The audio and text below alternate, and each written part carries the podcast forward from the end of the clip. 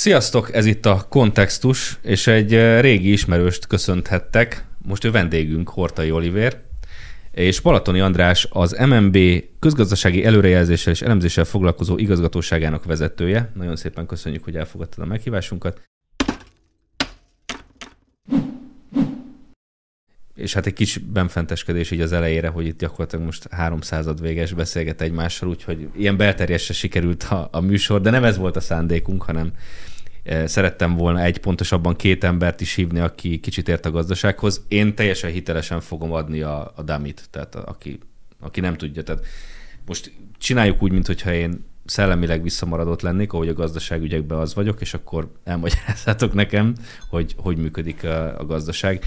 És én az inflációval kezdeném, hogyha lehetne, mert azt hiszem, hogy ez most a legfontosabb téma. Nem biztos, hogy csak Magyarországon, de Magyarországon mindenképpen ez a legfontosabb téma. Hogyha egy átlagember meghallja azt a kifejezést, hogy infláció, most biztos rengeteget hallja mindenki tévében, rádióban.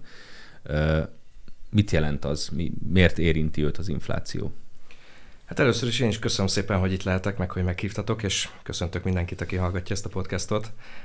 Én valóban 2010 és 2013 között itt ezekben az épületekben dolgoztam én is, úgyhogy nagyon jó leső érzéssel eh, jöttem vissza. Úgyhogy a volt kollégáknak van egy ilyen Facebook csoportja, úgyhogy küldtem is nekik egy selfit, hogy ismételten a tett, tett eh, helyszínén, eh, és hát tényleg nagyon úgy gondolom, hogy nagyon sok mindent kaptam ettől a, a, a század véggazdaságkutatótól. E, nagyon sok mindent itt megtanulhattam, úgyhogy tényleg egy, úgy gondolom, nagyon, nagyon jó három évet el tudtam itt tölteni, amiből én biztos, hogy sokat fejlődtem, meg sokat épültem, de bízom benne, hogy a cégnek a renoméját se tettem tönkre abban, a, abban az időszakban. Infláció. Tehát igen, a, az infláció az ugye a, az áraknak az általános emelkedése. Ez egy picit ugye bonyolult, hangzik meg mi az uh-huh. általános emelkedés. Ugye a, a piacgazdaságokban nagyon sok mindent vásárolunk, nagyon sok terméket, meg szolgáltatást. És ugye minden terméknek, meg szolgáltatásnak van egy ára jellemzően, vannak ingyenesek is persze, de azt is azért valaki a végén állja a cechet. És az a kérdés, hogy ezeknek milyen átlagát vesszük, vagy hogyan próbáljuk meg ebből egy olyan, egyetlen egy számot desztillálni, ebből a nagyon sok atomizált árdöntésből, amit a vállalatoknak egy nagyon széles köre hoz meg, ami utána egy számként elfogadható és egy nemzetgazdaságot jól jellemez. És igazából ez a, a statisztikai hivataloknak a fő feladata, hogy megnézzék, hogy mit fogyaszt egy átlagos magyar, miből mennyit, e, mekkorák a súlyok a teljes fogyasztói kosarán belül a különböző termékeknek és szolgáltatásoknak, és utána ezeknek, ezeknek a termékeknek és szolgáltatásoknak fölírják az áremelkedését, és ezt így összesúlyozzák. És akkor ezt nevezi a statisztikailag ez nem infláció, hanem ez a fogyasztói árindex, és ennek az előző év azonos időszakához viszonyított emelkedése, ez az infláció. Tehát amikor ez a nagy, súlyozott átlag, amikor hát több ezer reprezentáns van, ebből a KSH kikever egy, egy súlyozott átlagot, és ez, ennek az emelkedése mutatja meg azt, hogy a makrogazdasági szinten az árak milyen mértékben emelkedtek egy évvel ezelőtt. Akkor amikor, hogyha azt mondjuk, hogy az, az infláció az pénzromlás, akkor azt tévedünk, vagy nem tévedünk a gyakorlatban?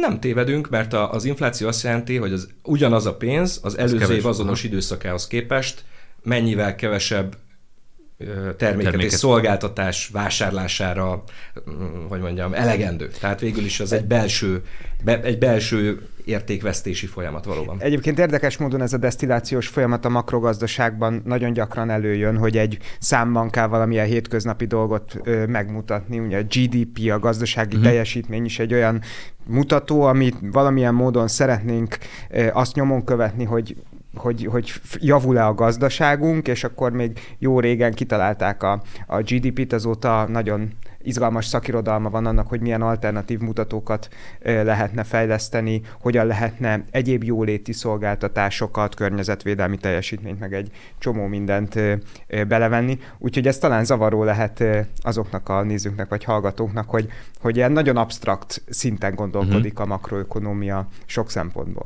És hogy ennek a, ennek a problémájára, vagy a fonákságára így fel is hívjam a figyelmet, ugye van egy olyan mutató, hogy munkanélküliségi ráta, uh-huh. hogy az összes emberből, aki el szeretne helyezkedni, ugye mennyi az, aki nem talál magának munka, munkát. És akkor ugye ez most Magyarországon 4% körül van, de azt szokták mondani, hogy aki munkanélküli lett, mert mondjuk kirúgták, annak a munkanélküliségi ráta 100%, ez persze csak vicc, nyilván. Tehát ez, ez, ez ami jól mutatja, hogy a, a mikro meg a makro azért nagyon fontos, tehát a kettőnek van köze egymáshoz. Tehát az egyes atomizált szereplőknek a viselkedése, az természetesen befolyásolja a nagy képet is. De azért sokszor, hogy mondjam, sokszor ütközünk ellentmondásba, vagy vannak olyan fogalmak, például az inflációt, azt nem lehet mikrogazdasági szinten értelmezni, nem lehet üzemgazdasági szinten értelmezni, mert az más. Ez valami... a mikro? Tehát, hogy... Így van. Tehát hogy a mikro az az, hogy egyes piacoknak a, Értem. egyes piacoknak a jellemzői, egyes vállalatoknak a jellemzői, vagy egy háztartásnak a jellemzője milyen. Uh-huh. Nyilv, tehát nagyon fontos az, hogy a mikro meg a makro beszélgessen egymással. A mikro az az, amikor én otthon a családdal összeírom a Például. kiadásokat, az a, az a mikroökonomia. És nagyon, nagyon jó példa ez, tehát a, a mikroökonomiának az alapvető problémája, hogy egy háztartás mikor mennyit fogyaszt például. És Vagy melyik étterembe megy kajálni. Na, így van. Uh-huh. Uh-huh. Egyébként van egy nagyon érdekes kettősség a makro előrejelzésben is, hogy a makrogazdasági előrejelzések, modellezések azok tipikusan felülről lefelé csorgóak voltak, top-down jellegűek. Megnézzük a nagy nemzetgazdasági adatokat, és azokból különböző következtetéseket vonunk le, de néhány évvel ezelőtt elindult egy olyan folyamat, ezt ágens alapú modellezésnek nevezik, amik kifejezetten minél elemibb szintről próbálják meg fölépíteni ezeket a modelleket. Ilyen nagyon divatos a viselkedési közgazdaságtan már jó ideje, ami a magatartási uh, torzításokból, viselkedési torzításokból is uh, levon bizonyos következtetéseket, és ezekben az ágens alapú modellekben ezeket is figyelembe hmm. lehet venni, de amennyire én látom, és András javíts ki, hogyha tévedek, a makroökonómiával foglalkozókon belül is van egy általános vita arról, hogy melyik modellek azok, amik jobban illeszkednek, melyik az a megközelítésmód, ami igazán a jövőt jelentheti, hogy ez a, a mikro alapú makroökonómia, ez, ez célra vezető-e egyáltalán, vagy sem. Hát igen, ebből szerintem egy nagyon érdekes gondolatkísérlet volt a 80-as években, 70-es évek végén, 80-as években, amikor próbáltak makroökonómiát csinálni teljesen mikroalapokon és teljes kudarc lett a vége. Tehát azok a, azokat úgy nevezik, hogy egy reál üzleti ciklus modell, teljesen mindegy, de amik, amikor csak tényleg a mikroból indultak ki, és nem vették azt figyelembe, hogy itt vannak összetételhatások hogy itt kettő meg kettő az nem feltétlenül mindig négy. Tehát nem lehet egyszerűen mhm. felagregálni ezeket a dolgokat. Van például növekvő hozadék bizonyos szektorokban. És ez, ez, a, ez a kutatási agenda, ez teljesen zsákutcának bizonyult. Tehát mindig, mindig megvannak a makrónak azok az ilyen finomságai, hogy így mondjam, amit, amit nem lehet mikroból le, levezetni, és hát Tehát, ugye, a másik, másik dolog meg, ami eszembe jutott, hogy volt nekem egy főnököm, úgy hívták, hogy Mateusz Csurek, amikor innét elmentem és az ING-be dolgoztam, akkor volt olyan főnököm, utána különben pénzügyminiszter lett Lengyelországba, és ő mondta azt nekem, amikor az első ilyen, nem tudom, befektetőkkel találkoztam, és akkor nagyon meg akartam őket győzni, és akkor azt mondta, hogy András, it is macro, so you never know. Tehát, hogy a makro, úgyhogy sose fogod igazából tudni. Persze, megint, mert nem tudunk minden egyes atomizált szereplőnek a minden egyes döntését mindig pontosan nyomat követni. Egy, úgy gondoljuk, hogy vannak jó közelítéseink, és jó shortcutjaink vannak, de sokszor ezek a közelítések egyszerűen megváltoznak. És a makróban ez a nagyon érdekes, meg ez az, ami állandóan a gondolkodásunkat tehát a gondolkozásunk újra húzalozására kényszerít bennünket. Mindenki szerintem, aki csinált makró előrejelzést, azt tudja, hogy tíz évvel ezelőtt mások voltak az összefüggések, mint öt évvel ezelőtt, és most is mások. Tehát ez öt évente megváltoznak azok az alapvető paraméterek, amik te arra gondoltál, hogy jó, hát erre lehet egy makrogazdasági prognózis készíteni. És hát időről időre sokkal súlyosabb vádak kísérik, vagy, vagy kritikáltak is a makroökonomiát. 2008 után ezek különösen erősen záporoztak. Nekem van egy szerző, akit nagyon kedvelek, a Nassim Nikolás Taleb, talán több olvasó ismeri, mert egyébként most már egy bestseller író, aki azon az állásponton van leegyszerűsítve, hogy nem is nagyon van értelme szerintem makroökonomiával foglalkozni, mert ő neki az az élménye, vagy a tapasztalata, hogy a makroökonomia ügyes abban, hogy a business as usual állapotba, tehát a normál állapotba előrejelzéseket készítsen a GDP-re vonatkozóan, mm-hmm. az mhm. inflációra vonatkozóan, és így tovább, viszont a különleges eseményeket nagyon ügyetlenül képes előrejelezni, a kiugró, nem várt hatásokat. Csak hogy a Táleb azt mondja, hogy éppen ezeknek lenne értelme, tehát hogy az az elvárás a makroökonomia makroökonómiával szemben, hogy amikor jön egy válság, vagy jön egy hirtelen sokhatás, akkor ö, nyújtson jó ö, előrejelzést, mert azok azok az időszakok, amikor nagyon nagy profitot, vagy nagyon nagy költséget, ö, ö, kárt lehet elszenvedni, akár társadalmi, akár vállalati szinten. Úgyhogy én úgy látom, hogy egyébként tágértelemben a makroökonómiával kapcsolatban a közgazdászokkal, vagy a gazdasági politikával érdeklődőkkel kapcsolatban van egy ilyen, egy ilyen kettősség, hogy egyáltalán, egyáltalán lehetséges-e bizonyos eseményeket, amik hasznosak előrejelezni, vagy sem. És a Táleb különben pont erre alapította az egész kereskedési stratégiáját, tehát ő ugye egy nagy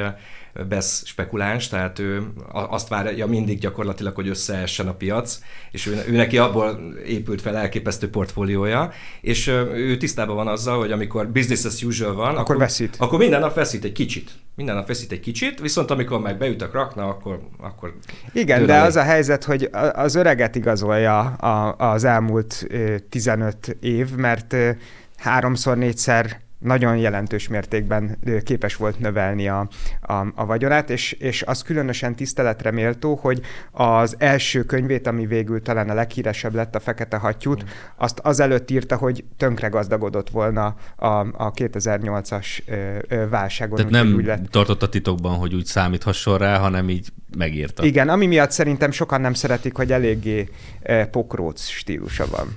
Ez abban a szférában szerintem előfordul. De én azért próbálom meg lefordítani a saját nyelvemre, meg a, azoknak a nézőknek a nyelvére, akik esetleg a hasonló cipőben járnak, mint én. Én nagyon, hogy mondjam, ilyen érintőlegesen találkoztam a közgazdaságtannal, tehát politikai elméletben találkoztam olyanokkal, akik közgazdasággal foglalkoznak. De a, alapvetően, amit tőletek is hallok, az az, hogy itt emberi viselkedésről, döntésekről van szó, és ezeket próbálja meg a közgazdaságtan valamiféleképpen adatokkal, számokkal leírni, hogyha jól értem. Tehát itt nem arról van szó, hogy ezek a semmiben logó adatok lennének, hanem megpróbálja megérteni, hogy az emberek miért így vásár, miért azt vásárolnak, mennyi kiadásuk van, mennyi, tehát mennyi bevételük van, stb. stb. Hát pontosan, még esetleg annyit hozzátennék, hogy nyilván Magyarország az egy kis nyitott gazdaság, tehát ugye a külső paraméterek is azért élesen tudnak változni. Uh-huh. Tehát nem csak, nem csak a belső, nem tudom, háztartási nem motivumok, amik befolyásolják mondjuk egy fogyasztási szerkezetet. Hát most egy... például az energia az, ez eléggé olyan dolog, ami ugye nem, Nagyon jó nem azon de, múlik, de általában hogy... a konjunktúra is, hogyha meg, megvizsgáljuk, mm. tehát az, hogy ki, ugye a magyar export a GDP-nek a több mint 90%-a, tehát az, hogy, az, hogy milyen konjunktúrát importál, a konjunktúra ugye ez a gazdasági ciklusoknak a, vonatkozó kifejezés. Tehát, hogyha jól megy a külpiacokon, akkor nyilván mi több terméket tudunk oda eladni, akkor az itteni export cégek azok nagyobb bevételre tesznek szert, esetleg bővítik a foglalkoztatásukat, akkor onnantól mm-hmm. kezdve a háztartásoknak magasabb lesz a jövedelme, magasabbak lesznek a bérek, nőhet a termelékenység, tehát ez egy pozitív visszacsatolási mechanizmusokat tud elindítani van ennek egy negatív olvasata is, tehát nyilván a, a mi export partnereink, tehát ahova visszük ezeket a termékeket, meg szolgáltatásokat is szerencsére egyre többet eladunk, azok majdnem mind energia importőrök, tehát őnekik be kell hozniuk a gázt, meg az olajat, meg a nyersanyagokat, és hát az elmúlt időszakban ők is jelentős cserearány veszteséget szenvedtek el, vagyis egyre többet kellett az importért fizetni az ő exportjukhoz képest, és ez bizony azt eredményezheti, hogy romlanak ott is a növekedési kilátások. Ez a különben nagyon érdekes, mert megint egy olyan dolog, amire nem vagyunk, vagy meglepett egy kicsit bennünket, mindenki temette egy picit a nyugat-európai konjunktúrát, mi is elég pessimisták voltunk mondjuk szeptemberben az európai növekedési kilátásokkal kapcsolatban, és ahhoz képest különben a bejövő adatok nem olyan rosszak egyáltalán, mint amire uh-huh. számítottak az elemzők. Van egy nagyon érdekes index, úgy nevezik, hogy a City meglepetés indexe, és az pont azt mutatja, nem az, hogy bejött egy GDP és ez mennyi lett, hanem az, hogy a várakozásokhoz képest mennyi lett. Uh-huh. És mhm. akkor, amikor a City meglepetés indexe pozitív, az azt jelenti, hogy valamennyit vártak az elemzők, az Oliver, meg az MNB, meg mi, meg mindenki, az egész közösség, és ahhoz képest lett egy, lett egy magasabb. És ez a City meglepetés index, ez már folyamatosan pozitív Európában. Nem azt mondom, hogy nagyon erős, meg robosztus a konjunktúra, meg jó a növekedési helyzet, de azért nem, talán nem annyira rossz, mint amire először számítani lehetett. Tehát ez is egy, ez is egy érdekes tanulási folyamat megint, amit én nekem van egy olyan benyomásom, nem tudom, hogy a, a, a valóság majd engem igazol-e vagy sem, hogy ősszel volt egy talán az indokoltnál sötétebb állapot, legintenzívebben az energiapiacot követem, és hát ahhoz hozzájárult, hogy például egy német rendszerirányító vezető minden vasárnap kitvittelte, hogy hogyha így haladunk tovább, akkor a, a fűtési időszakban ellátáskorlátozásra kerül sor. Tehát volt egy nagyon-nagyon sötét hangulat, viszont most én attól tartok, hogy lehet, hogy egy kicsit pozitívabb a hangulat, mint amit a, a folyamatok indokolnának. Tehát, hogy maradva az energiapiacnál, ami most azért egy fontos hajtóerő a, a, mind a, a, a konjunktúrának, mind a, az inflációnak, a múlt héten kiadott a Nemzetközi Energiaügynökség egy friss elemzést. Ez a tavalyi évre vonatkozó európai gázipari, gázfogyasztási riport, és úgy tűnik, hogy hogy történelmi viszonylatban is kiugróan sok gázt takarítottunk meg, 55 milliárd köbmétert, ami az a korábbi évhez képest 13% os visszaesés. Ami viszont aggasztó számomra, hogy ennek az 55 milliárd köbméternek több mint a fele az a szerencsének és az ipari termelés visszaesésének köszönhető. Tehát a, a 18 milliárd köbméter egészen pontosan, amit az időjárásnak köszönhetünk, kiugróan enyhe tél volt, és 13 milliárd köbméter, amit az ipari termelés visszaesésének. Hát ez azt mutatja, hogy a jövőben, hogyha, hogyha az időjárás rosszabbra fordul, hogyha a tárolókból kiürül az egyébként még betárolt orosz gáz,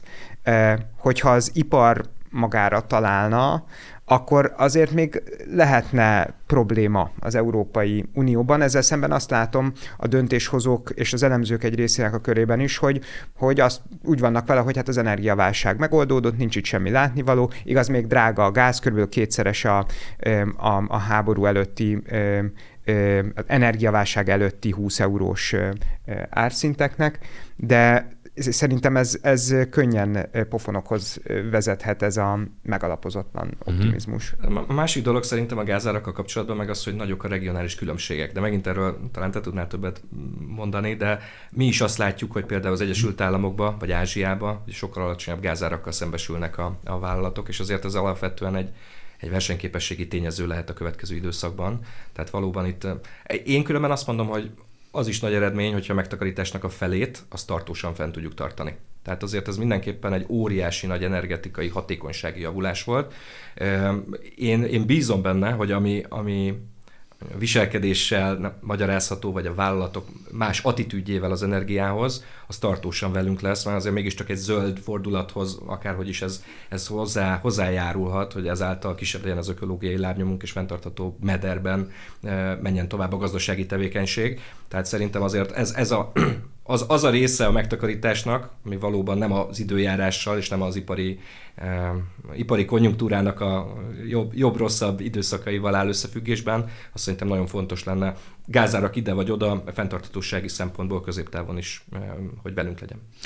Kicsit visszatérhetünk az inflációhoz, mert hoztál friss adatokat, hogyha minden igaz, és akkor beszélhetünk róla, mert ugye ez volt a fő témája az elmúlt év végének, és az egyszerű fogyasztó ugye ezzel úgy szembesül, hogy a tejföl, ami eddig nem tudom, 4-500 forint volt, az most 800 ezer forint. Tehát, hogy az valami brutális. Tehát aki, hogy mondjam, aki nem annyira tehetős, hogy ez ne tűnjön föl neki, mindenkinek feltűnt, hogy mondjuk az élelmiszerinfláció az valami egészen, tehát 40-ből 40 százalékos volt eddig legalábbis az élelmiszerinfláció. Hát, ha meg tudsz minket nyugtatni, hogy ez jó irányba fog változni. Hát valóban, és a magyar inflációs többletnek, mondjuk a régióhoz képest, annak egy jó része különben pont az élelmiszerinflációhoz kötődik. Mm.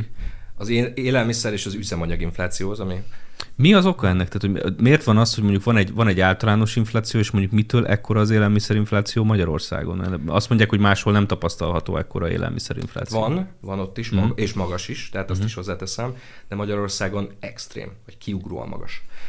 és ugye ez, ez az élelmiszerinfláció azért nagyon fájó, mert ugye eddig beszéltünk arról, hogy persze valamit kívülről kell hoznunk, van egy-két gázmezőnk, de azért nem tudjuk magunkat ellátni, van mhm. egy-két olajmezőnk, bár csak Igen, de mondjuk a kaja... Igen, igen. A, a, abból úgy egész jó természeti adottságaink, meg történelmi beágyazottságunk, vagy a, a mezőgazdaságnak különben a társadalmi presztízse vagy súlya, az már sokkal nagyobb, mint a GDP-ben betöltött súlya. Nem tudom, mm. most bocsánat, hogy visszaélek a mondtad, hogy te nem vagy makroközgazdász. Szerinted hát, mennyi, nagyon messze vagyok. Mennyi szerinted az agrár... Mikroba se vagyok jó. Mennyi az agráriumnak a súlya Magyarország, magyar GDP-ben?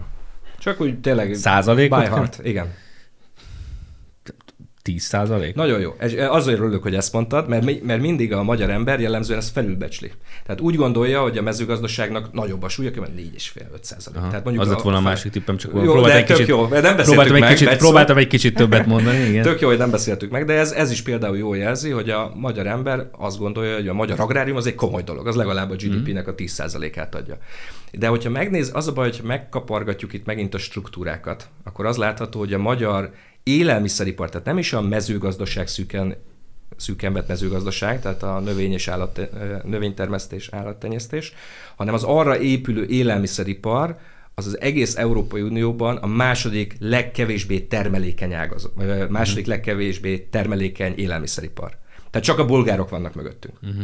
Tehát nagyon hatékonytalan, ezt sajnos ezt ki kell mondanunk, a magyar élelmiszeripar, uh-huh. nagyon energiaintenzív a magyar élelmiszeripar, sőt a magyar élelmiszeriparnak az energiaintenzitása még romlott is, és emellett nagyon hatékonytalan, nagyon, nagyon alacsony a termelékenysége, és ez azt eredményezi, hogy a kívülről jövő impulzusok, sokok, azokat felerősíti ez a nagyon hatékonytalan szerkezet uh-huh. az élelmiszeripar. Ez az egyik. A másik az, hogy, és ebben hozott talán újat a friss inflációs jelentés, mindenkinek szívből javaslom a www.mmb.hu-n megtalálható a friss infláció. De megpróbálunk ide is valahova okay. betenni néhány ábrát. Abban például készítettünk egy becslést, a feldolgozott élelmiszereknek a, az árésére vonatkozóan. Ez egy makrogazdasági becslés, nem mondom el a részleteket, tehát ez, ez nem egy statisztikai adat, hanem statisztikai adatokból levont következtetés, akkor inkább úgy mondom. És ott azt, azt mondja ez az elemzés, ezek a mi eredményeink azt mondják, hogy, a, hogy ez a, az árrés az élelmiszerek esetében az nagyon jelentősen emelkedett. Tehát a vállalatok kihasználták gyakorlatilag a lehetőséget, hogy van egy inflációs momentum, volt mire hivatkozniuk, mert valóban volt egy energiaárrobbanás, uh-huh az éve első felében alapvetően élénk volt a, a fogyasztási kereslet is, tehát volt tere, akkor azt mondom a, az áremelésnek, és mi úgy látjuk, hogy a költségek felett markánsan átárazták ezeket a termékeket, szolgáltatásokat. Tehát van egy strukturális tényező, van egy versenyképességi tényező, van egy energetikai hatékonytalanság, és emellett van egy ilyen profit vezérelt infláció az élelmiszeriparban, ami hát azt eredményezi, hogy tényleg 10% pontokkal megverjük, hát negatív értelemben, a, a, a mögöttünk lévő következő élelmiszer eh, inflációs országot. Van még néhány dolog szerintem, amivel érdemes kiegészíteni. Az egyik az az, hogy a, magyar, eh, a magyarok eh, fogyasztói kosarában kifejezetten nagy arányt képvisel mind az élelmiszer, mind a rezsi. Tehát ez is hozzájárul ahhoz, hogy ennek a két termékcsoportnak a drágulása az az általános inflációhoz erősebben hozzájárul. A másik a profit vezérelte. De van olyan, egyébként olyan ország, ahol ez nem igaz? Tehát, hogy csak azért kérdezem, hogy mert kíváncsi vagyok, tehát hogy úgy gondolnám, hogy a rezsikiadás meg a, meg a kaja az egy ilyen kvázi alapvető szükséglet mindenhol. E, ezzel összefüggésben szerettem volna mondani a másik dolgot, ami összekapcsolódik a profit vezérelte inflációval is, hogy ennek a két terméknek talán a leg, legalacsonyabb, a legkisebb az úgynevezett keresleti árugalmassága. Ez a közgazdaságban egy együttható, egy mutató, ami azt mutatja, hogy ha egységnyivel nőnek az, vagy csökkennek az árak, változnak az árak, akkor mennyivel e, változik a kereslet. És azt látjuk, hogy a, az élelmiszer és az energia esetében e, a fogyasztók nagyon rugalmatlanul reagálnak az árváltozásokra, ami valahol érthető is, mert ezek alapvető szükségletek, uh-huh. és én egyébként azt gondolom, hogy ez is az a részben annak az oka, hogy ez a típusú profitvezérelte infláció, amiről András beszélt, ez erősebben érinti időről időre egyébként a történelmi tapasztalatok alapján is egy inflációs környezetben ezeket az ágazatokat, az élelmiszert és az energiát. Egyszerűen a vállalatok tovább tudnak menni a falik. Tehát, hogy, hogy később van az a pillanat, amikor egy fogyasztó úgy dönt, hogy mégsem azt a túrót veszi, meg mégsem vesz egyáltalán uh-huh. túrót, mint amikor mondjuk úgy dönt, hogy elhalasztja a gépkocsi vásárlási döntését, vagy az ingatlan vásárlásit, vagy a, vagy a ruhából egy, egy kevésbé márkásat vásárol. Tehát, Ott hogy hajlandó tovább még, még, még többet kifizetni ugyanazért élelmiszerben, mint amit az ilyen jellegű dolgok, mint ugye lakás vagy, vagy kocsi fizetnek. Sőt, ugye, ha az élelmiszer ára emelkedik, akkor lehet, hogy a tartós fogyasztási cikkeit fogja inkább visszavágni, igaz? Már mm. Megint a kenyeret azt így is, is megveszed. Azt meg, igen. maximum nem veszel, nem tudom, színes tévét. Értem, és akkor mondjuk a, a kereskedő azt mondhatja, hogy hát azért a kenyeret azt úgyis megveszik, hát akkor most miért ne emeljek még egy kicsit rajta. Még az, az érdekes ez az élelmiszer, hogy beszéltünk az agráriumról, mert szerintem minden ilyen földhöz ragadt paraszban megfogalmazódik az, hogy, hogy mi a fenéért veszem én a, nem tudom, spanyol paradicsomot a boltban, tehát hogy nincs jó ízű magyar paradicsom, tehát, de akkor, hogyha jól értem, akkor itt az élelmiszeripar hatékonyságával van valójában. Hát egyszerűen költséghatékonyabban elő tudják állítani mm-hmm. nagyobb volumen. És az a baj, hogy itt már nem csak a spanyol, itt a régiónban is van nagyon sok jó példa már. Mm-hmm hogy az elmúlt tíz évben az EU-s forrásokat mondjuk a lengyelek milyen tudatosan használták föl arra, hogy vertikális élelmiszer ágazatot hozzon létre. Mit jelent az, hogy vertikális? Tehát, hogy tényleg a, a, a földtől az asztalig. Tehát mm-hmm. az, hogy megtermelik, feldolgozzák, ugye... Pedig nagyon érdekes, mert hogyha már az adottságokról beszélünk, azért szerintem Magyarországon messze jobbak az adottságok. Ez, ez teljesen így van, és nagyon sokan mondták, tehát nagyon sok interjút készítettünk az elmúlt egy évben, akár kiskereskedőkkel, forgalmazókkal, de termelőkkel is, és azt mondták, hogy tíz évvel ezelőtt elképzelhetetlen volt, hogy Magyarországra megéri Lengyelországból Lengyel. trapista sajtot. Azt mondták, ez elképzelhetetlen volt. Vagy az elképzelhetetlen volt, hogy Romániából megéri csirke csirke darabokat, nem tudom pontosan azt, uh-huh. tehát a csirkének különböző részeit azt Magyarországra e, importálni. Ezt mondták, ez elképzelhetetlen volt. A magyar mezőgazdaságnak, meg a magyar élelmiszeriparnak volt egy helyzeti előnye. Uh-huh. És sajnos a, amit mi, a, és ez, ez csúcsosodik ki a 40-50 százalékos élelmiszerinflációban, hogy ezt a helyzeti előnyt, ezt sajnos ezt elveszítettük. Uh-huh. És akkor valami biztató az inflációval kapcsolatban? Hát különben én most azt mondom persze, tehát hogyha meg 25,4% az infláció, az nagyon magas. Az magas. Azt azért induljunk onnét. Mi a, mi a normális? Három. Viszonyít, Én mindig nagyon egyszerű. Én 3 os gyerek vagy. Potenciális növekedés, infláció, mindenben tehát, a hármat, tehát, hogy azt mondják, hogy az, hogy az infláció valahol, így van, hogyha azt mondják, hogy az infláció valahol 3% környékén van, akkor azt mondjuk, hogy az jó. Tehát mondjuk 4-5 infláció az még... Hát a, a három, és akkor három körül van különben plusz-minusz 1 százalék pontnyi ilyen tolerancia sávunk. Mi ezt szeretjük, amikor azon belül van. Volt, kifejezetten sikeres időszakaink vannak ezzel kapcsolatban. Jó, Tényleg? a rekordunk. Volt már ilyen? 2017 és 2020 között, azt jól számolom, az, az négy év, igen, és akkor az 48 hónap, abból 44 ben benne voltunk mm-hmm. ebben a sávban, mm-hmm. tehát hogyha meg, meg az átlaga is az inflációnak pont három ebbe az időszakban. Tehát volt egy olyan fázisa a magyar gazdaság történelmnek, és nem sok ilyen van különben, amire nagyon büszkék vagyunk mi, hogy ekkor azt mondtuk, hogy igen, elértük az inflációs célunkat. Csak hát az a helyzet tényleg a Covid utáni időszakban egymásra rakódtak így az inflációs hatások. Tehát az újranyitás, hányszor beszéltünk arról, hogy a... De ezt akartam is kérdezni, hogy, hogy mindenki ugye azt mondja, hogy a háború, és akkor szokták mondani a kritikusok, de hát, hogy már háború előtt is infláció volt, és hát a Covid. Tehát, tehát az valószínűleg elég erősen, a lezárások elég erősen hatottak erre a történetre. A Covid az egy nagyon fontos első lépés volt, mm. akkor utána a termelési láncok nem úgy működtek, ahogy, ahogy megszoktuk. Ugye most ilyen mikrofonokba beszélünk, hát ez is eh, nem tudom, hogy hol készült, honnét hozták. Egyébként, jó, egyébként jó példát eh, hozol, mert amikor itt rendelni kellett, én erre emlékszem, rendelni kellett ezeket a dolgokat, akkor ott nagyon erős kockázás zajlott a forgalmazók részéről, hogy most miből tudnak hozni, honnan tudnak hozni, van, amire rengeteget kellett várni egy hónap, másfél hónap, tehát tehát jó példát hoztam, mert valóban ez van, hogy az ember rendel, vagy nem úgy van, mint korábban, hogy megrendelek valamit, és akkor három-öt napon belül kihoznak kb. akármit, mert, mert megoldják, hanem csomó dologból nem volt, nem tudtak szerezni, vagy csak nagyon hosszú idő volt, míg, míg, míg tudta szerezni belőle. És akkor erre, erre rakódott rá különben még az energiaválság, ugye ez már tényleg már 2021-nek a második felében azért érződött, és, és arra rakódott különben még rá. Ettől az energiaválságtól nem teljesen függetlenül a, az élelmiszer. Az élelmiszer. De, de hogy előre tekintve is mondjak, valami pozitívat kértél, úgyhogy én, én hát úgy igen, látom, most már belesírtunk a... én úgy látom különben, hogy a külső-belső tényezők is alapvetően az infláció csökkenésének az irányába hatnak. Tehát már láttuk az inflációs csúcsot, kezdjük ott. Hmm. Tehát januárra, februárra már egy picit csökkent az infláció. Egy lassú, infláció uh-huh. csökkenés, dezinfláció, ezt úgy szoktuk még becézni, dezinfláció vette kezdetét. Hogyha megnézzük, ugye én, ahogy látom, azért az energiaárak azok a háború előtti szint környékén vannak, a szállítási, a globális szállítási költségek azok a COVID válság előtti szintre süllyedtek, Tehát összességében az látszik, hogy ezek a termelési láncok ezek szerencsére elkezdtek normalizálódni. Uh-huh. Ezek a költségtényezők, ezek mint hogyha elkezdtek volna normalizálni nyilván még messze van az, amit 2019-ben regisztráltunk. De azért azoktól a nagyon nagy csúcsoktól úgy látszik, hogy, hogy egyre inkább eltávolodunk. És különben ez látszik a globális inflációs térképen is. Tehát egyre több és több országban regisztrálják már az árindexnek a csökkenését. Kis nyitott országként megint azt mondom, ez egy nagyon fontos tétel, ami a hazai inflációt is csökkenti. És hát azért azt se szabad elhallgatni, hogy azért Magyarországon is van egy alkalmazkodás. Mit jelent ez az alkalmazkodás? Ezt sajnos el kell, hogy fogadjuk, hogy Magyarországon csökken a GDP, csökkent az elmúlt két negyed évben, szerintünk csökken az idei év első negyedévében is, most még jelen időben mondom, mert ugye 30-a van, de mondjuk most holnap fog lezáródni a negyedév, de úgy gondoljuk, hogy sajnos ez is egy negatív eh, negatív eh, negyedéves lesz a növekedés szempontjából.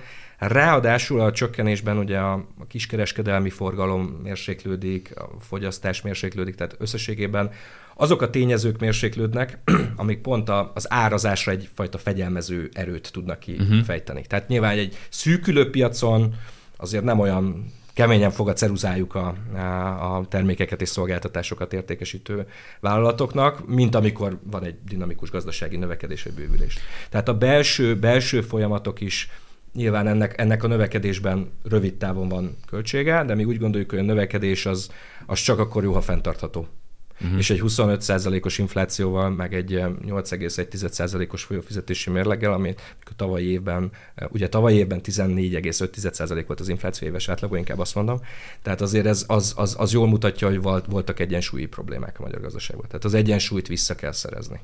És ez az egyensúly visszaszerzésének az egyik módja az, hogy az inflációt most csökken, inflációt csökkentjük. Nyilván a monetáris politika eszközökkel az egy nagyon fontos tényező, de hát más, más szakpolitikáknak is van ebbe szerepe, és most nem csak a költségvetésre gondolok, mert ott is természetesen nagyon fontos egy fegyelmezett, prudens költségvetés, ami, ami szintén az egyensúly irányába megy, de például nagyon fontos új kapcsolataink vannak a gazdasági versenyhivatallal, tehát amikor itt ilyen profitvezérelt inflációról beszélünk, akkor úgy, mi úgy gondoljuk, hogy egyre többet kell beszélgetnünk, és nagy örömünkre szolgál, hogy ők is úgy gondolják, hogy egyre többet kell beszélgetnünk. Tehát itt, itt a gazdaságpolitikai ágaknak egy koordinált fellépése szükséges annak, annak érdekében, hogy valóban az idei évre ez az egy számjegyű infláció ez összejön, 6-7 százalékot mondunk most mi jelen pillanatban az év végére, de senki nem gondolja, hogy ez automatikus. Tehát azért mhm. ezért, ezért is azért még dolgozni kell. Ez egy, ez egy fontos feladat a gazdaságpolitika számára, de hát mi ezt föl szoktuk tűrni az ingújunkat, aztán nekiállunk. Amit csak kiegészítésképpen szerettem volna elmondani, az két dolog. Az egyik, hogy én úgy látom, hogy van egy vita arra vonatkozóan, hogy, vagy arról, hogy, hogy az egyes tényezők pontosan mekkora mértékben járulnak hozzá az uh-huh. inflációhoz, még a, a, a az Andráshoz hasonló jegybanki nagyágyúk között is, tehát a e, Christine Lagarde például, az LKB vezetője, ő nagyon nagy részben az energiárak növekedését jelöli meg, több mint 50%-ban, mint az elsődleges hajtóerőt. És akkor az energiárak kapcsán is fölmerül a kérdés, hogy mennyiben az energiaválság, mennyiben a háború és a szankciók okozzák az áremelkedést. Úgyhogy az, hogy pontosan az egyes tényezők azok mennyiben felelősek, azt nem lehet tudni. Ráadásul nagyon sok tovagyűrűző hatás van az élelmiszerárakban, az csak termékcsoportokként, vagy egy adott termelőként lehet megmondani pontosan, uh-huh. hogy mondjuk az energiaárak begyűrűzése mennyiben indokolja a, a, az áremelkedést. Tehát mondjuk egy tejtermék esetében említetted a túrót talán, vagy a kefir, a, nem tudom. a tejföld mondtál, tejföld, azt a tejföld, a tejföld volt esetében, ilyen feltűnő, hogy a tejtermékek az, az esetében ott például az energiaköltségek kifejezetten magasnak tekinthetők, a hűtési, anyagmozgatási uh-huh. tevékenységek miatt. Az, hogy az energiárak a, az energiaválság előtti, vagy úgy fogalmaztál, a háború előtti szinten vannak, az igaz, de még nincsenek az energiaválság előtti szinten, különösen az olaj nem. Az olajárral az a probléma, hogy az üzemanyagok azok, azok begyűrűz, azok, azok, azok talán még erősebben begyűrűznek a gazdaság mhm. egészében, mert a szállítási költségeket befolyásolják. Úgyhogy én azt gondolom, hogy ez is egy korlát, abban, hogy meghatározzuk, hogy mégis milyen típusú eh, beavatkozásokra van szükség, akár országos szinten, akár, akár általános értelemben. És ez az oka annak, hogy, hogy az Egyesült Államokban is, Európában is nagy vita van arról, hogy az egyes szakpolitikai vagy jegybanki eszközökre milyen mértékben eh, van uh-huh. szükség. Bocsánat, még egy, csak visszatérnek erre a 3 ra alapvetően azt mondjuk, hogy 300, az mégiscsak egy romlás ugyanúgy, nem? 300 is egy romlás. Azt mondjuk, az normális, akkor az egy normális jelenség, hogy a pénzünk értéke, vásárlóértéke romlik. Igen. Igen, az normális. Ez, ez, ez egy nagyon fontos és érdekes kérdés, hogy hol van az ideális infláció. És, Tehát az alapnak veszük, hogy a pénz az romlik. De a dolgok drágábbak lesznek. Én azt mondom, hogy ezt úgy nevezik, hogy ez a greasing, ilyen olajozó infláció. Az, uh-huh. És ez azért, azért fontos egy gazdaságban, mert sokszor a, az árak, nominálisan forintba kifejezve, azok lefelé elég merevek szoktak lenni. És ez azt eredményezi különben, hogy az a makrogazdasági alkalmazkodás az nem feltétlenül, ha nulla lenne az inflációnak az optimális szintje, akkor gazdaságilag nehéz lenne ehhez alkalmazkodni, hogy mondjuk az egyik terméknek az ára relatív értelemben mondjuk olcsóbbnak kéne lenni. Ezt, hogyha van egy 3%-os infláció, van egy pici ilyen olajozó infláció a gazdaság fogaskereikei között, akkor ezek a fajta relatív árak, azok könnyebben és gyorsabban be tudnak állni, és például az ilyen hiány vagy többlet jelentőségeket, mint ahogy az előbb mondtuk ezt a mikrofon állványt, vagy mikrofonnak a helyzetét, ezt tudják enyhíteni. Tehát ez, ez, ezzel sokat foglalkozik különben a közgazdaságtan, hogy mi, a, mi az ideális infláció. Ugye három azért az elég kicsi, maradjunk mm. annyiba. Tehát egy 3%-os infláció az nem nagyon tér el a nullától. Ráadásul az is nagyon fontos, hogy vannak olyan jelentések, meg elemzések, amik kifejezetten azt mondják, hogy a, a statisztikai hivatalok jellemzően fölé mérik az inflációt. Tehát a valós áremelkedés az valószínű kisebb, mint a három, mm-hmm. de hát nekünk ez a, ez a statisztikai nomenklatúrá rendelkezésre, és az, az viszont nagyon nagy baj tud lenni, amikor elkezdenek az árak csökkenni. Az, az energiaválság előtti évek erről szóltak, hogy megpróbáltak valahogy inflációt csinálni a gazdasági szereplők vagy a szabályozók. Az probléma, hogyha az árak csökkennek? Bizonyám.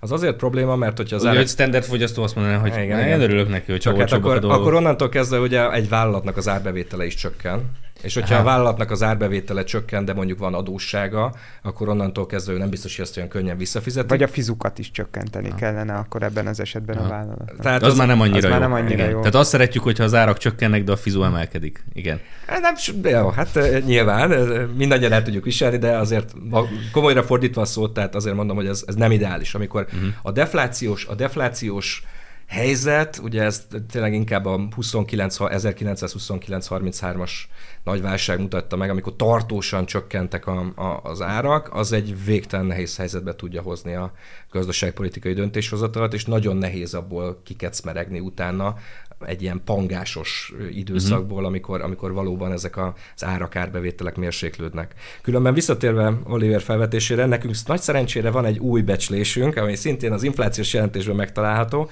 ahol megpróbáltuk megint kiszámolni, hogy mik a külső meg a belső tényezők a, a hazai inflációban. És ugye az, ez is nagyon érdekes, hogy itt is van egy történetváltás. Tehát mi egészen, egészen a, a 2022 júniusáig azt mondtuk, hogy az inflációnak a gyorsulása az nagy mértékben különben nemzetközi jelenség és külső jelenség. És ez az elemzésünk is különben nagyon szépen ezt visszaadja, hogy valóban a külső faktorok játszottak ebbe domináns szerepet, mm-hmm. hogy akkor gyorsult az infláció. De az év második fele az más lett hirtelen. Mm-hmm. Tehát az év második felében a, a belső tényezők, azok, azok azért sokkal jelentősebben hozzájárultak. Azok mik a belső tényezők? Hát például a termelékenység, bérköltség, várakozások, mm-hmm. föl van írva nekem puskázok közben, mm-hmm. szabályozott árak, indirekt adóintézkedések. Erre ki akartam térni a szabályozott árakra, mert én úgy látom, hogy a, még a kormányzati szereplők is úgy nyilatkoznak ezekről az ársapkákról, hogy hát annyira nem szeretjük mi ezeket alkalmazni, tehát nem szerencsés az ársapkáknak az alkalmazása, de hát most kénytelen kelletlen olyan a helyzet, hogy muszáj. Mennyire van mondjuk ez jó, az ársapkák mennyire vannak jó hatással az inflációra, mennyire segítenek valójában a helyzeten az ársapkák. Ez engem nagyon érdekel, mert nyilván most bemegyek, és valamit fix áron kapok meg, mondjuk hozzáteszem, hogy azt hiszem, hogy az, amik benne vannak abban a csomagban, az egyiket sem nagyon szeretem fogyasztani, de tök mindegy, de attól még a, a, ott, van, ott van, hogy akkor annak annyi az ára, és akkor ugye az ki van porciózva, hogy abból csak nem tudom, kettő tejet lehet venni, stb. stb. Szóval, hogy milyen hatással van ez az inflációra, és mennyire segít ez valójában a gazdasági helyzeten? Hát ezzel kapcsolatban írtam azt hiszem decemberben egy cikket, ahol pont azt mutatom be, hogy ez igazából nem csökkenti már az inflációt. Tehát ezek hmm. az ilyen egyszeri beavatkozások, mi álláspontunk szerint rövid távon lehet ennek egy negatív inflációs technikai hatása, azonban minél tovább a rendszerben tartod ezeket az intézkedéseket, annál inkább igaz az, hogy a vállalatok elkezdenek ehhez alkalmazkodni. Tehát például keresztáraznak. Tehát, hogy persze, hát valami, valaminek akkor megadod az árát, de hát tehát ugye, hogy van, az 1,7% volt a teljes fogyasztói kosáron belül, amit maximalizáltak az élelmiszer esetén. A végén krumpli meg tojásra akkor fölment 2,2%-ra. Ha csak az élelmiszer termékkört nézem, az a fogyasztói kosárnak a 20%-a környékén van. Tehát tehát, hogy mondjam, egy tizedét, hogyha elkezded ott maximalizálni, akkor bocsánat, én a kilenc tizedén majd lehet, hogy egy kicsit mondjuk más árrést érvényesítek. De van ennek sokkal finomabb módja is. Uh-huh. Egyszerűen csak azt mondom, hogy hát régen is voltak akciók, most is voltak, vannak akciók, csak régen mondjuk 30% volt egy akció, most meg 10. Aha, és akkor ugye értem. megint az van, hogy ezek akkor innentől kezdve már ellensúlyozva van gyakorlatilag. Tehát, Tehát ezt a kereskedők ezt ki Én nem megoldják. látom annak jelét, hogy nem. Tehát mm. én, hogy megint azt mondom, hogy ha megnézzük, tehát miből fakad a magyar inflációs többletnek a 75%-a? Üzemanyag és élelmiszer. Melyikre volt ársapka? Üzemanyagra és élelmiszerre. Igen, tehát ez szerintem nagyon sok mindent elmond arról, hogy mennyire hatékonyak ezek az eszközök. Még egyszer mondom, rövid távon van neki egy infláció csökkentő hatása, uh-huh. de ugye megint arról van szó, amiről az elején beszéltünk, hogy itt az a lényeg, hogy az egyes vállalatok, az egyes szereplők, azok hogyan reagálnak. És hogyha belekényszeríted őket egy dobozba, akkor megpróbálnak onnét valahogy kijönni. És mhm. persze a doboznak egy-két oldalát le tudod falazni, nem tudod az összeset, és akkor onnantól kezdve ők meg meg fogják találni, hogy kijöjjenek abból a dobozból. Uh-huh. No comment. Igen, nem, nem, kíváncsi, kíváncsi, nagyon kíváncsi voltam.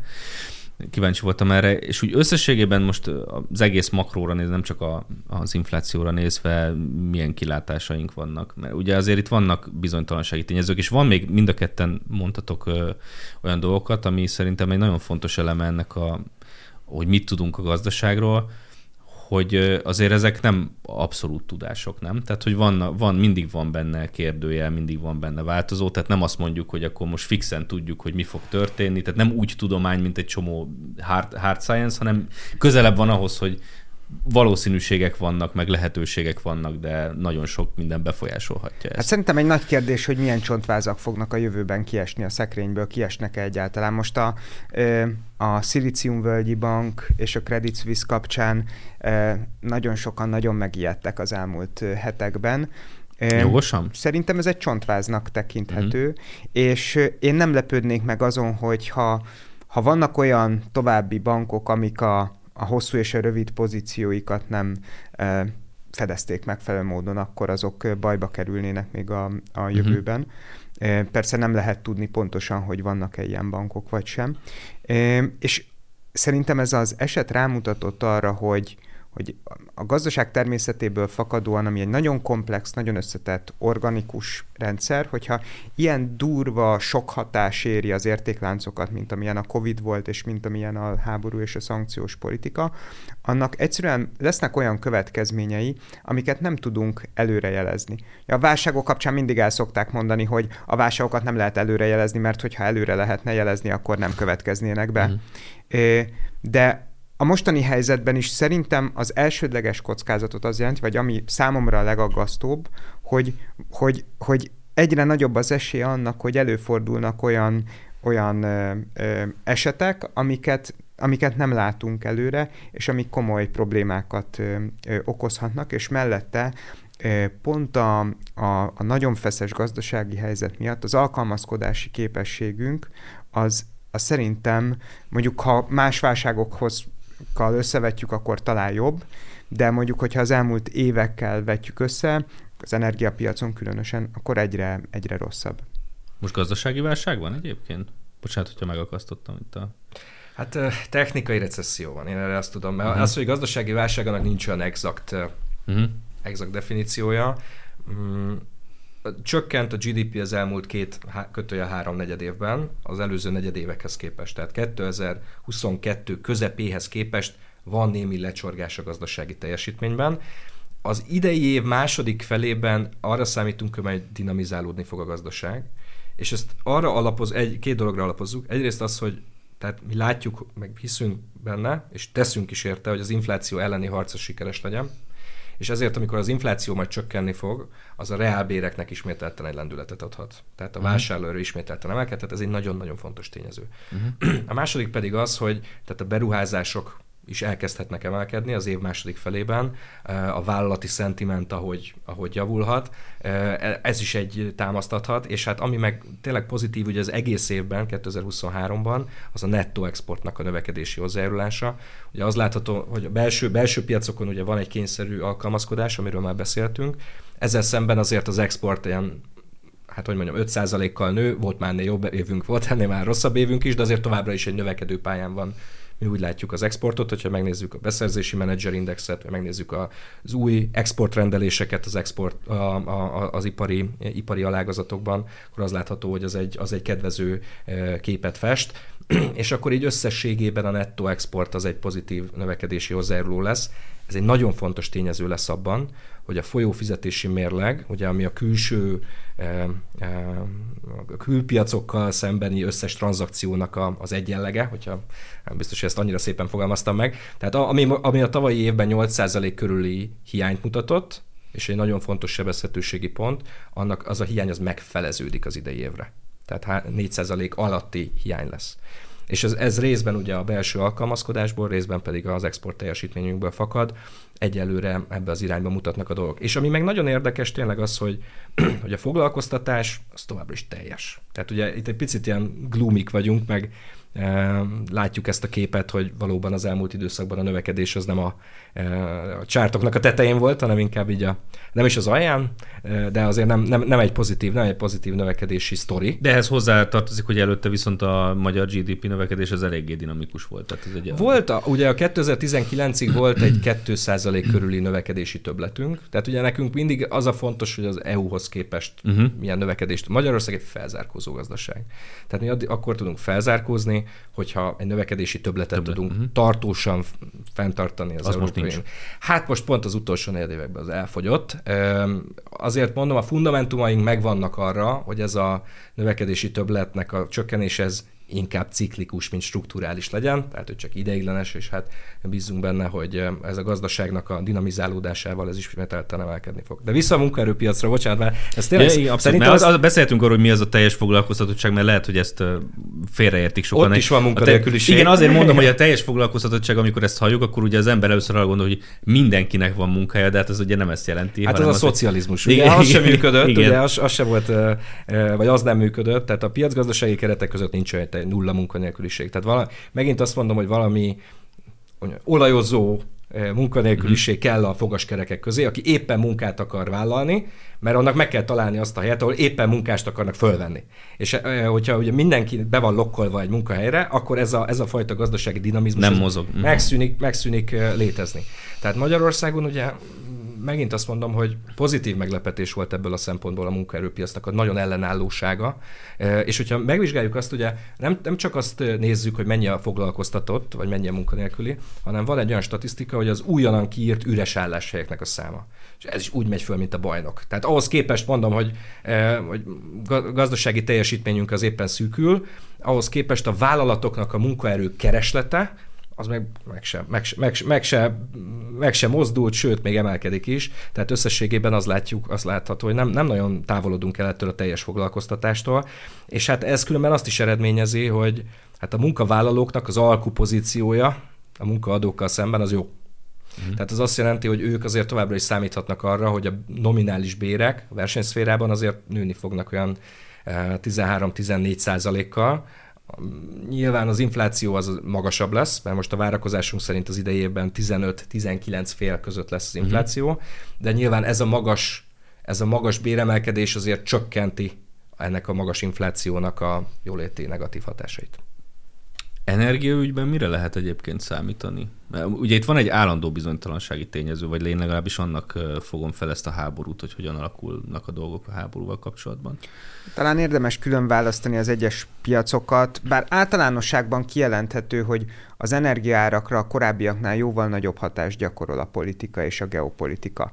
Hát most az elmúlt hónapokban szerintem egy a korábbiakhoz képest egy egy jóval kedvezőbb állapot bontakozott ki.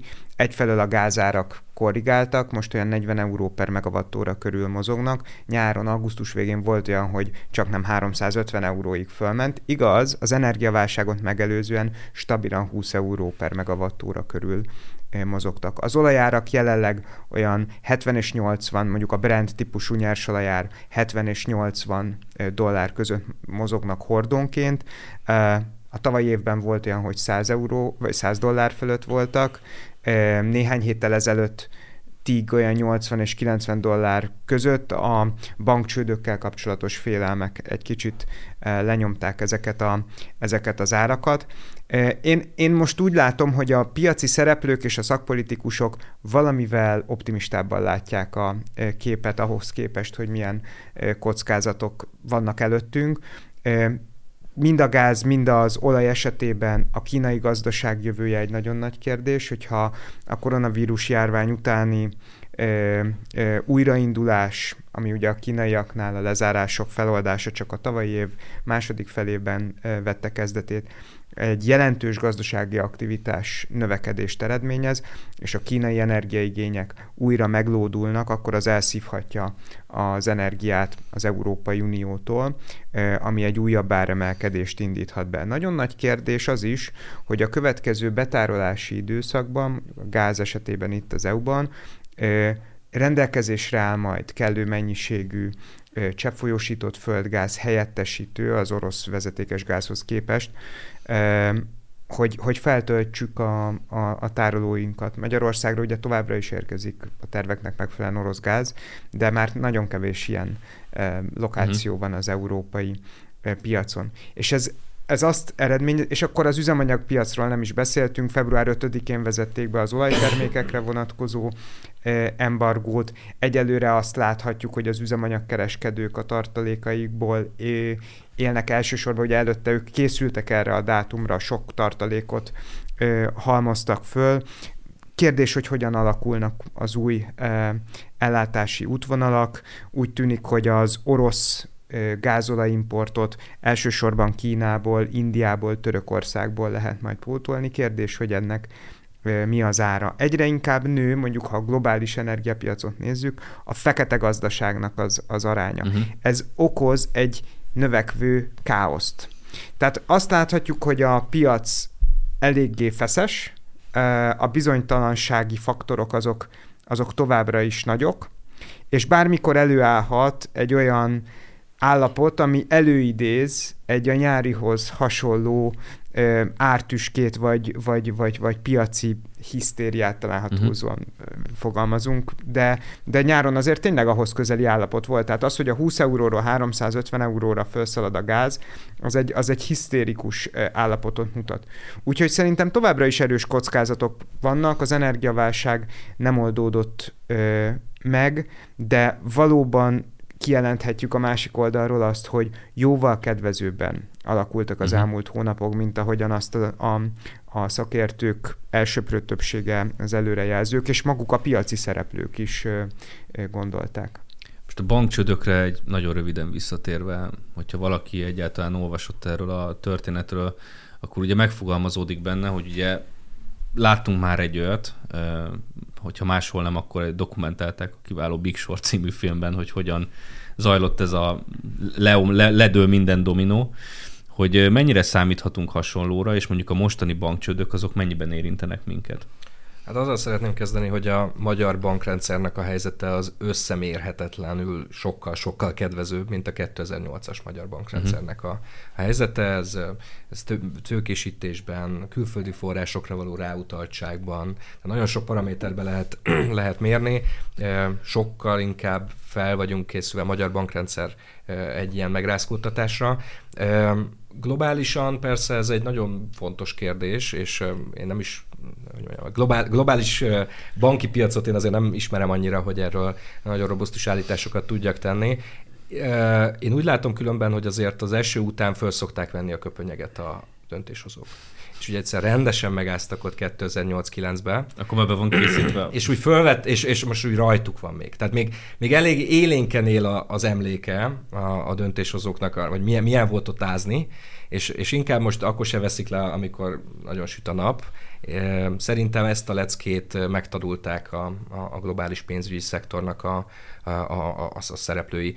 De még egyszer mondom, tehát a magyar bankrendszer minden kockázati mutatóban sokkal-sokkal jobban áll, mint 2000, 2008-ban. Nem összevethető, akkor úgy mondom. Tehát most csak annyit mondok, hogy a devizahitelek ugye akkor a nyakunkon voltak, most már nincsenek. Tehát ez egy olyan annyira fontos strukturális váltás, ami egy óriási kockázatot, 2015-ben volt a, a forintosítás, egy óriási kockázatot kivette a magyar, a magyar bankrendszerből, úgyhogy azért teljesen más helyzetben vagyunk, amikor ilyen turbulens pénzügyi piaci helyzet van, mint mondjuk 2008-ban, 2009-ben.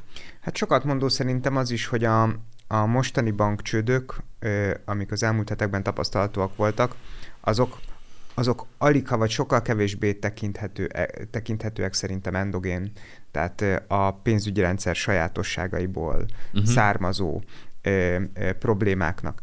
Persze mind a Credit Suisse esetében, mind a Völgyi bank esetében most már elég sokat tudunk ahhoz, hogy, hogy sorba lehetne venni, hogy milyen hibákat követtek el, miket nem tartottak be, milyen típusú vezetők dolgoztak ott, ugye ez, ez Erről volt, ami a leg, a inkább a politikai érzékeny embereket Igen. leginkább érintette, de, de hogy ezeket a hibákat végig lehet venni. De a mostani problémák azok az én meggyőződésem szerint nem egy rendszer szintű, vagy kockázatból, vagy rendszer szintű kockázatokból fakadtak, uh-huh. hanem egyszerűen abból, hogy az elmúlt időszakban azok a kedvezőtlen folyamatok, amiket az előbbiekben itt részletesen átbeszéltünk, azok, azok egy, egy olyan helyzetet teremtettek, amiben bizonyos pozíciók uh, nehezen tarthatóvá, vagy tarthatatlanná uh, váltak.